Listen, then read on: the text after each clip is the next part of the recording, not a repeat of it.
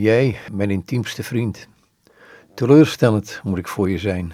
Andere zaken verkiezend boven jou, spijt hebbend als nooit tevoren. Afgestompt leef ik voort jou beminnend. En weer vergetend, opgaand in de waan van mijn eigen hart, zonder jou te zien, ben je daar al wenend aanwezig. Jouw ogen stralen doorwaterd van verdriet, het lijden beter beseffend en dragend van mijn onverschillig hart. Slechts door jou tot leven te wekken, slechts de deur hoef ik te openen.